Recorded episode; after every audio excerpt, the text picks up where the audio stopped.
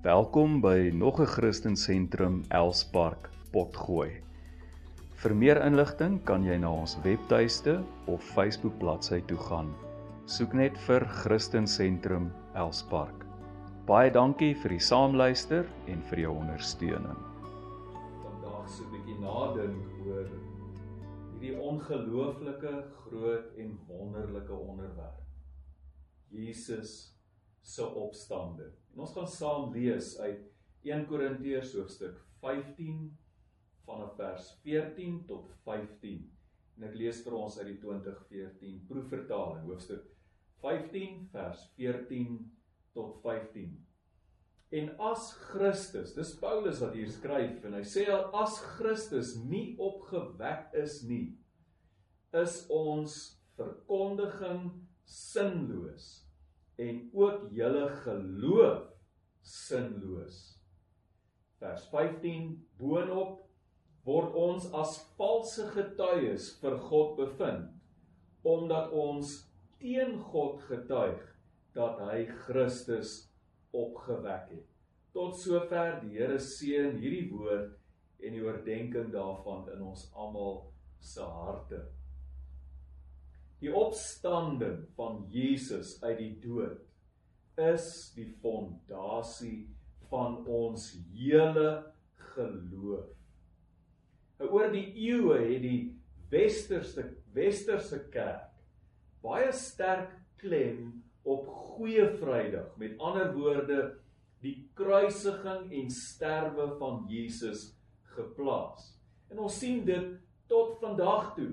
Oor Paasnaweek is die goeie Vrydagdiens gewoonlik stampvol, maar wanneer ons Sondag die opstanding van Jesus vier, is daar heelwat minder entoesiasme. Interessant dat die Oosterse kerk presies die teenoorgestelde gedoen het. Deur die eeue het hulle baie meer klem op Jesus se opstanding geplaas as op die kruisiging. Nou ek glo ons behoort albei die kruisiging en die sterwe van Jesus sowel as die opstanding van Jesus ewe sterk te beklemtoon. Jesus se sterwe aan die kruis is waar hy die prys betaal het om ons los te koop uit ons sonde. Maar as Jesus nie uit die dood opgestaan het nie, beteken sy sterwe aan die kruis absoluut niks. Dan is sy sterwe aan die kruis niks meer as die skandelike sterwe van iemand wat misluk het in 'n poging om godsdienstige vernuwing te bring. Soos Paulus sê, dan is ons verkondiging en ons geloof sinloos. Daarom is Jesus se opstanding die hoeksteen van ons geloof.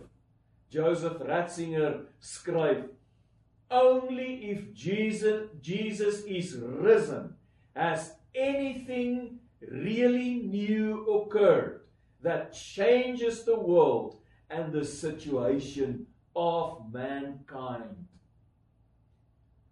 was Jesus of is Jesus?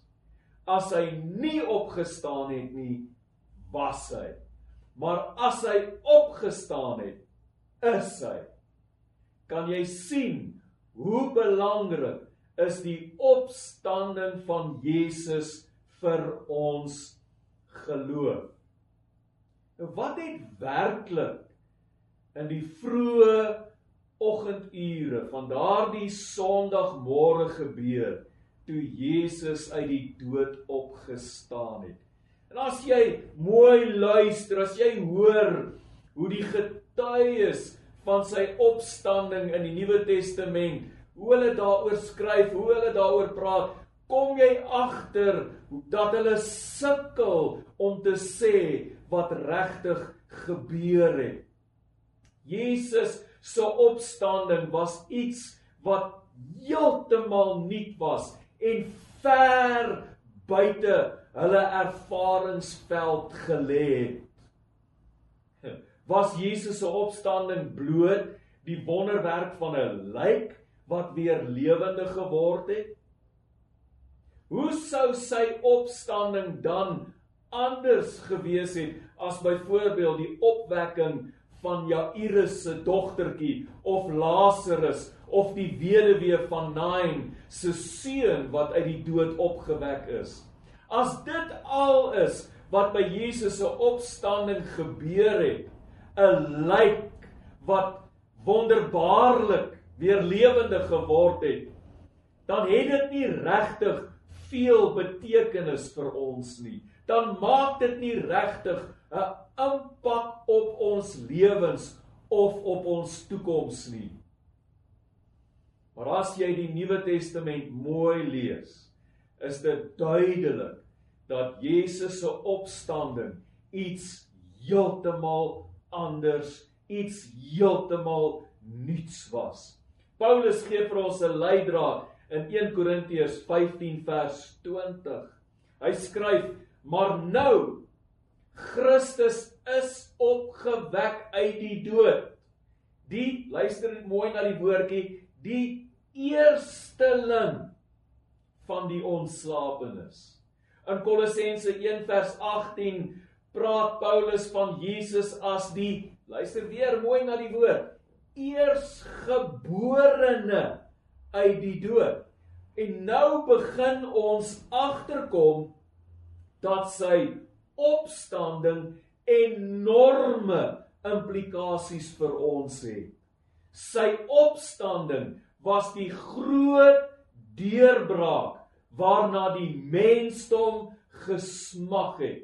Sy opstanding breek vir ons die pad oop om net soos hy self ook uit die dood op te staan. Jesus was maar net die eersteling, die eersgeborene uit die dood. Dit beteken dat Jesus se opstanding die eerste van baie is. Hy was eerste, maar ek en jy kan nou volg om ook saam met hom uit die dood uit op te staan. 'n Ander groot verskil tussen Lazarus byvoorbeeld of die weduwee van Nain se seun of Jairus se dogtertjie wat uit die dood opgewek is en Jesus se opstanding is dit 'n Lazarus het later oud geword en weer gesterf.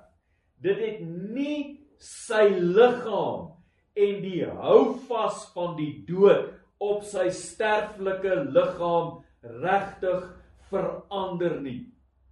En hierin is Jesus se opstanding heeltemal anders. Hy het opgestaan om nooit weer te sterf nie. Daar was 'n kwalitatiewe verskil tussen Jesus se liggaam voor sy sterwe aan die kruis en sy liggaam nadat hy uit die dood opgestaan het.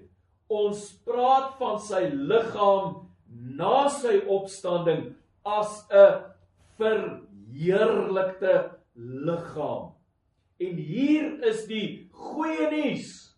Hoor wat skryf Paulus in Filippense 3 vers 21. Hy sê: "Hy, dit is God, sal ons nederige liggaam, hierdie nederige, sterflike, stoffelike, stoffelike liggame van ons, hy sal ons nederige liggaam verander om gelykvormig te word aan sy. Dit is Jesus se verheerlikte liggaam.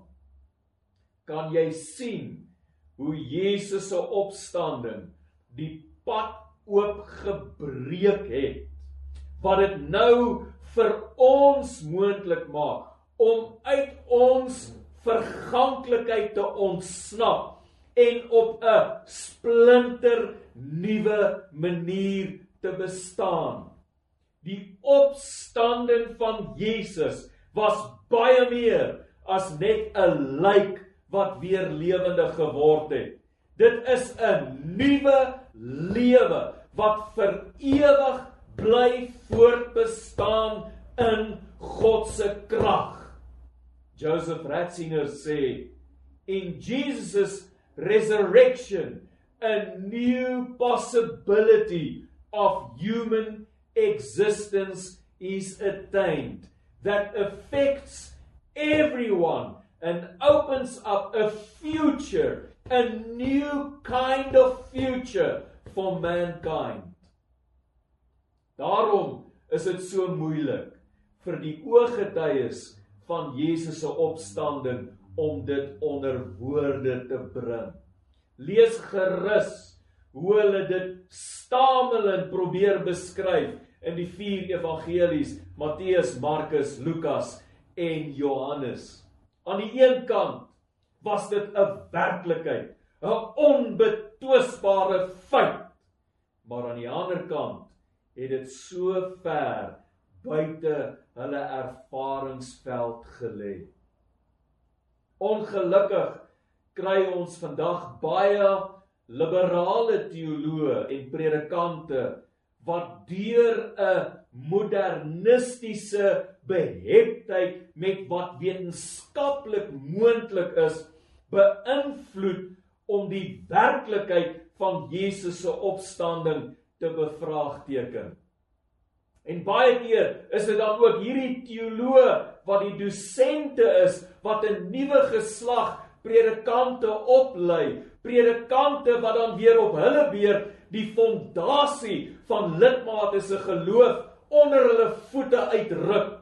Mag die Here ons verlos van teoloë en predikante wat te slim geword het vir die Bybel. En daarom wys ek jou nou op die ongesproke, die stil getuienis van die Nuwe Testament.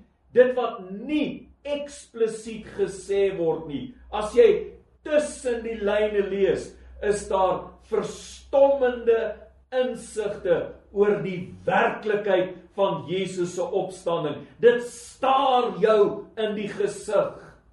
Eerstens Wie was die eerste ooggetuies van Jesus se opstanding? Dink 'n bietjie hieroor.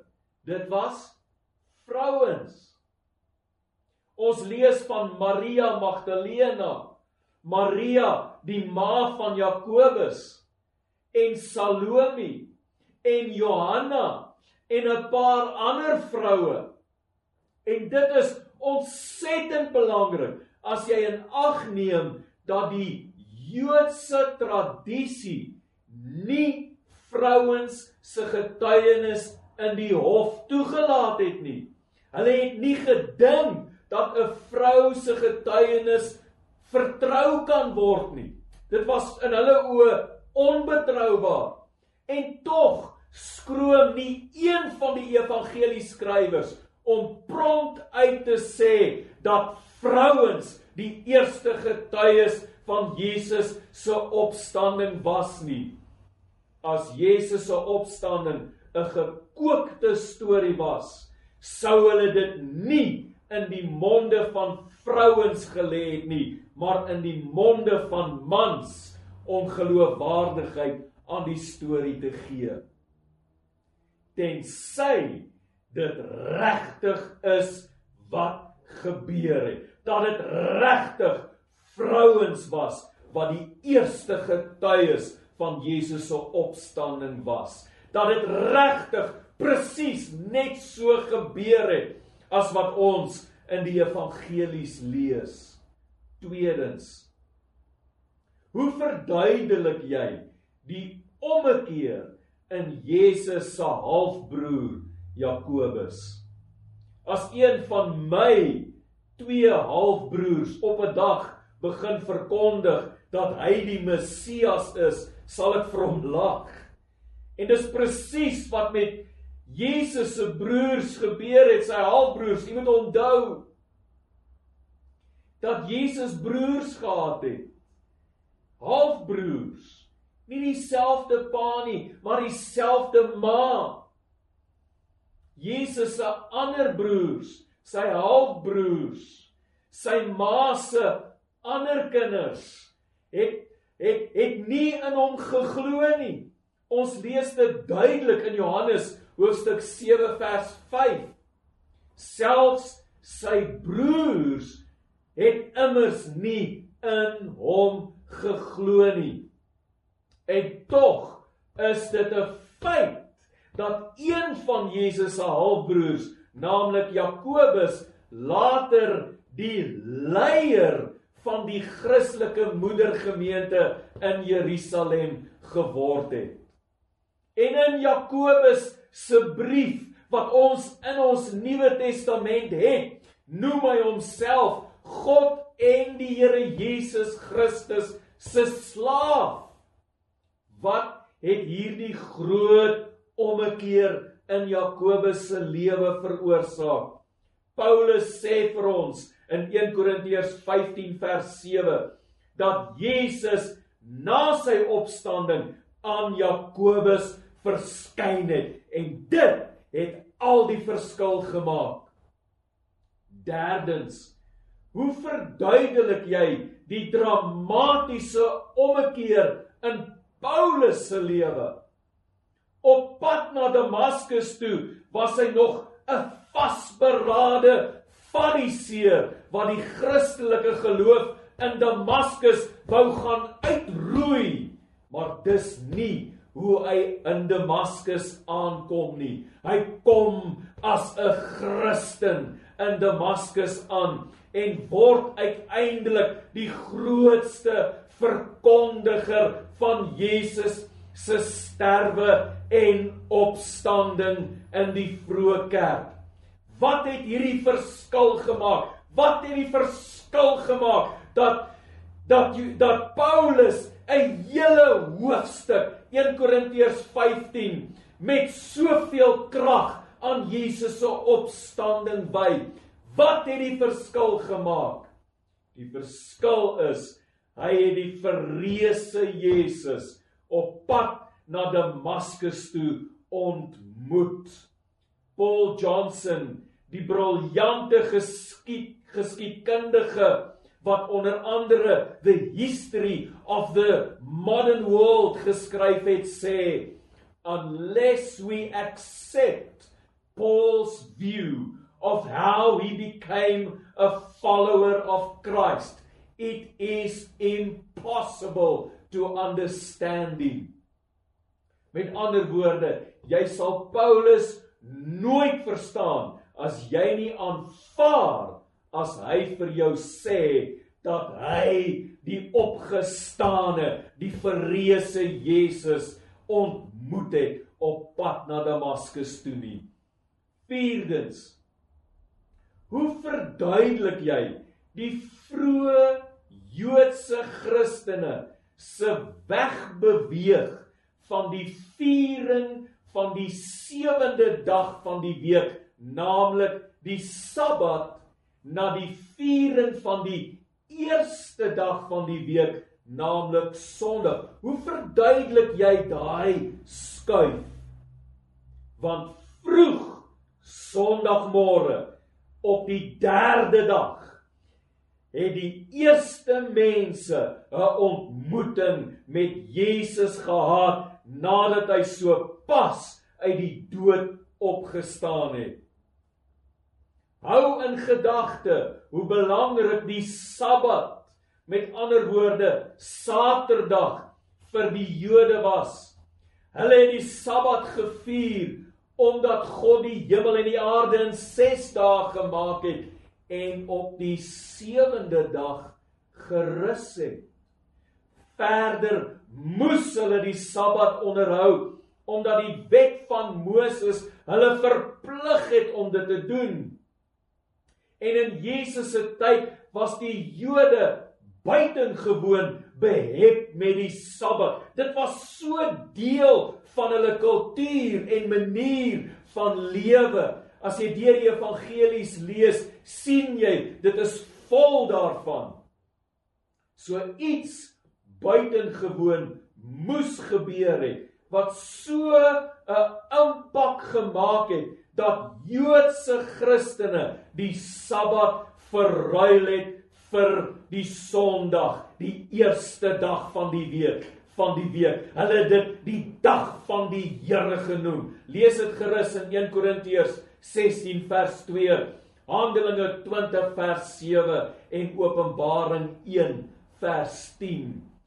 Teologiese spekulasies, my vriend, my broer, my suster, sou dit nooit kon regkry nie. Ignatius van Antiochië wat in 35 na Christus gebore is, het gesê, luister mooi, hy het gesê We have seen former adherents of the ancient customs have since attained to a new hope so that they have given up keeping the Sabbath and now order their lives by the Lord's day instead.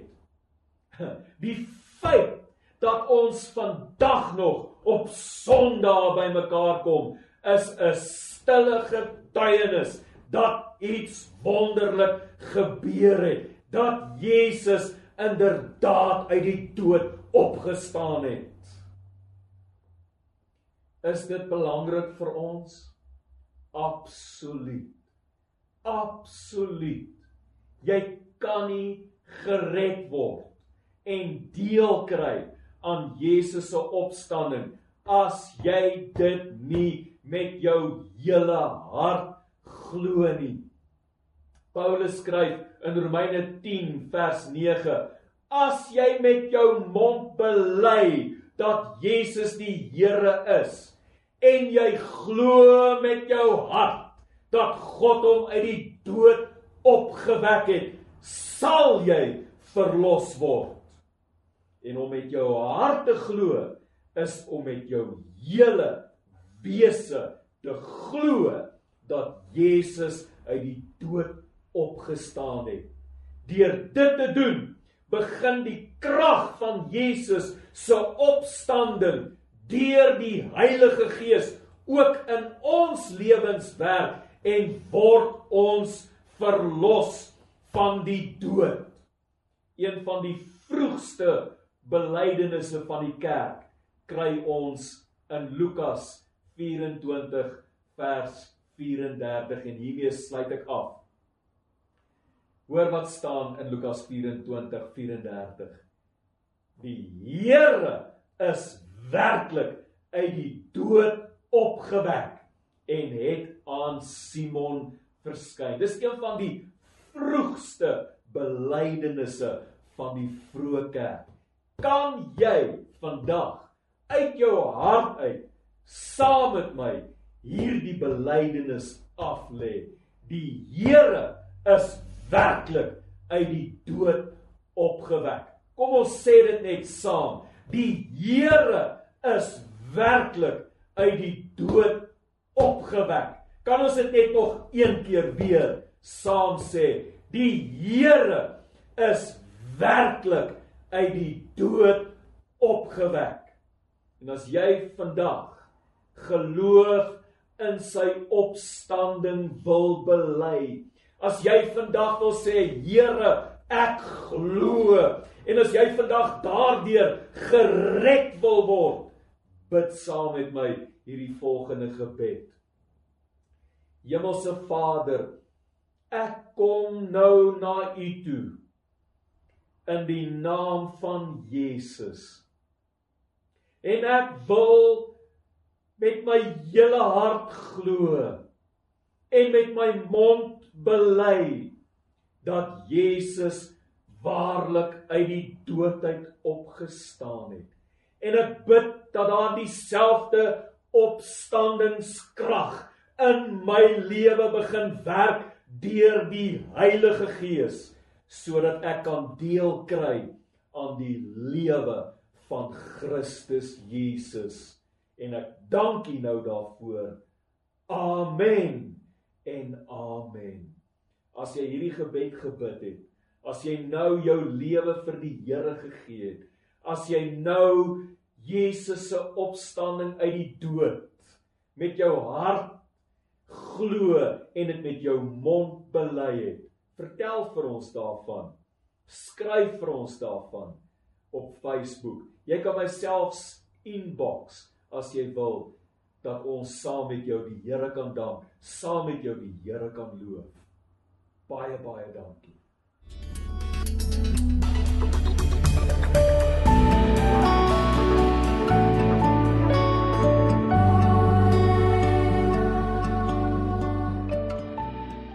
Einde van ons diens. Baie dankie dat jy ingeskakel het. Laat ons weet wat jy van die diens gedink het en of dit vir jou 'n uh, inspirasie was. Op daardie manier kan ons ook kontak hou met mekaar. My onbevestigde en ek herhaal onbevestigde is net 'n vermoede is dat die lockdown periode waarskynlik verleng sal word. Dit beteken dat al hoe meer mense en ek dink spesifiek aan ons gemeentelede hulp gaan nodig hê om kos op die tafel te hê. As gemeente sal ons moet werk aan 'n plan om noodbystand te verleen. As dit enigstens moontlik is, vra ek ook ons lidmate om julle tiendes en offergawes elektronies in ons gemeente se bankrekening in te betaal. Die rekening se naam is Christen Sentrum AGS Elspar. Ons is by FNB. Ons rekeningnommer is 6266005567. As jy nie deel van ons gemeente is nie, maar ons finansiëel wil ondersteun, kan jy dit in dieselfde rekening inbetaal. Onthou asseblief om jou voorletters en van as 'n verwysing te gebruik sodat ons kwitansies op navraag kan uitreik.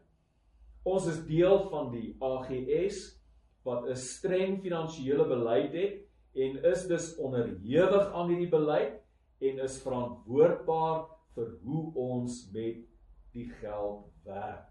So jy kan regtig met vrymoedigheid bydra en gee. Baie dankie vir jou bydrae. Dis 'n belegging in God se werk. Ontvang nou die seën van die Here en onthou om hierdie dag te vier as die dag van die Here, die dag waarop Jesus opgestaan het uit die dood. En nou mag die genade van ons Here Jesus Christus, die liefde van God en die troostvolle gemeenskap van die Heilige Gees wat ons altyd deur bewus maak van Jesus wat leef met ons wees totdat Jesus kom. Amen en amen.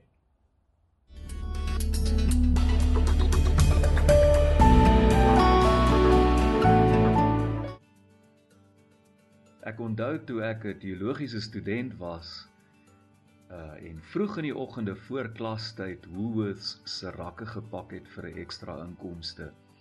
Die gevolg was lang dae en 'n moe student wat nie by Bybelstudie en gebed kon uitkom nie. Ek neem toe 'n geloofsbesluit op grond van die stil stem van die Gees in my hart. Ek gaan die werk los sodat ek die Here eerste kan stel en ek gaan op hom vertrou. Ek besluit toe verder om voort te gaan om my tiendes, my bydraes by my plaaslike gemeente te gee sonder om 'n afwaartse aanpassing te maak as gevolg van my verlies aan inkomste. Ek gaan gee asof ek nog steeds die werk het. Ek het dit gedoen en die wonder is in die tyd wat gevolg het, het dit beter met my gegaan as toe ek die rakke gepak het. Hoe werk dit? Ek weet nie. Al wat ek weet is dat ek dit self beleef het. Hoor wat sê Paulus in 2 Korintiërs 9 vers 6 en 7. Die boodskap vertaling sê dit so treffend. Paulus sê ek gaan nie aan julle voorskryf hoeveel julle moet gee nie, maar ek gee wel vir julle die volgende riglyn. 'n Boer wat min plant, kry 'n klein oes, en 'n boer wat baie plant, kry 'n groot oes. Gaan gaan besluit self hoeveel jy wil gee. Moenie 'n klomp geld gee en dan na die tyd daaroor spyt kry nie. Moet ook nie verplig voel om iets te gee nie. Onthou wat die Bybel sê, God is lief vir mense wat geld of hulle geld met blydskap weggee.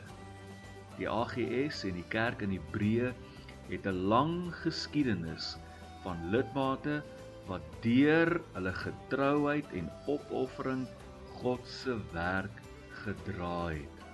Dankie dat jy saam met my voortgaan met dieselfde gesindheid as ons voorgangers. Baie baie dankie.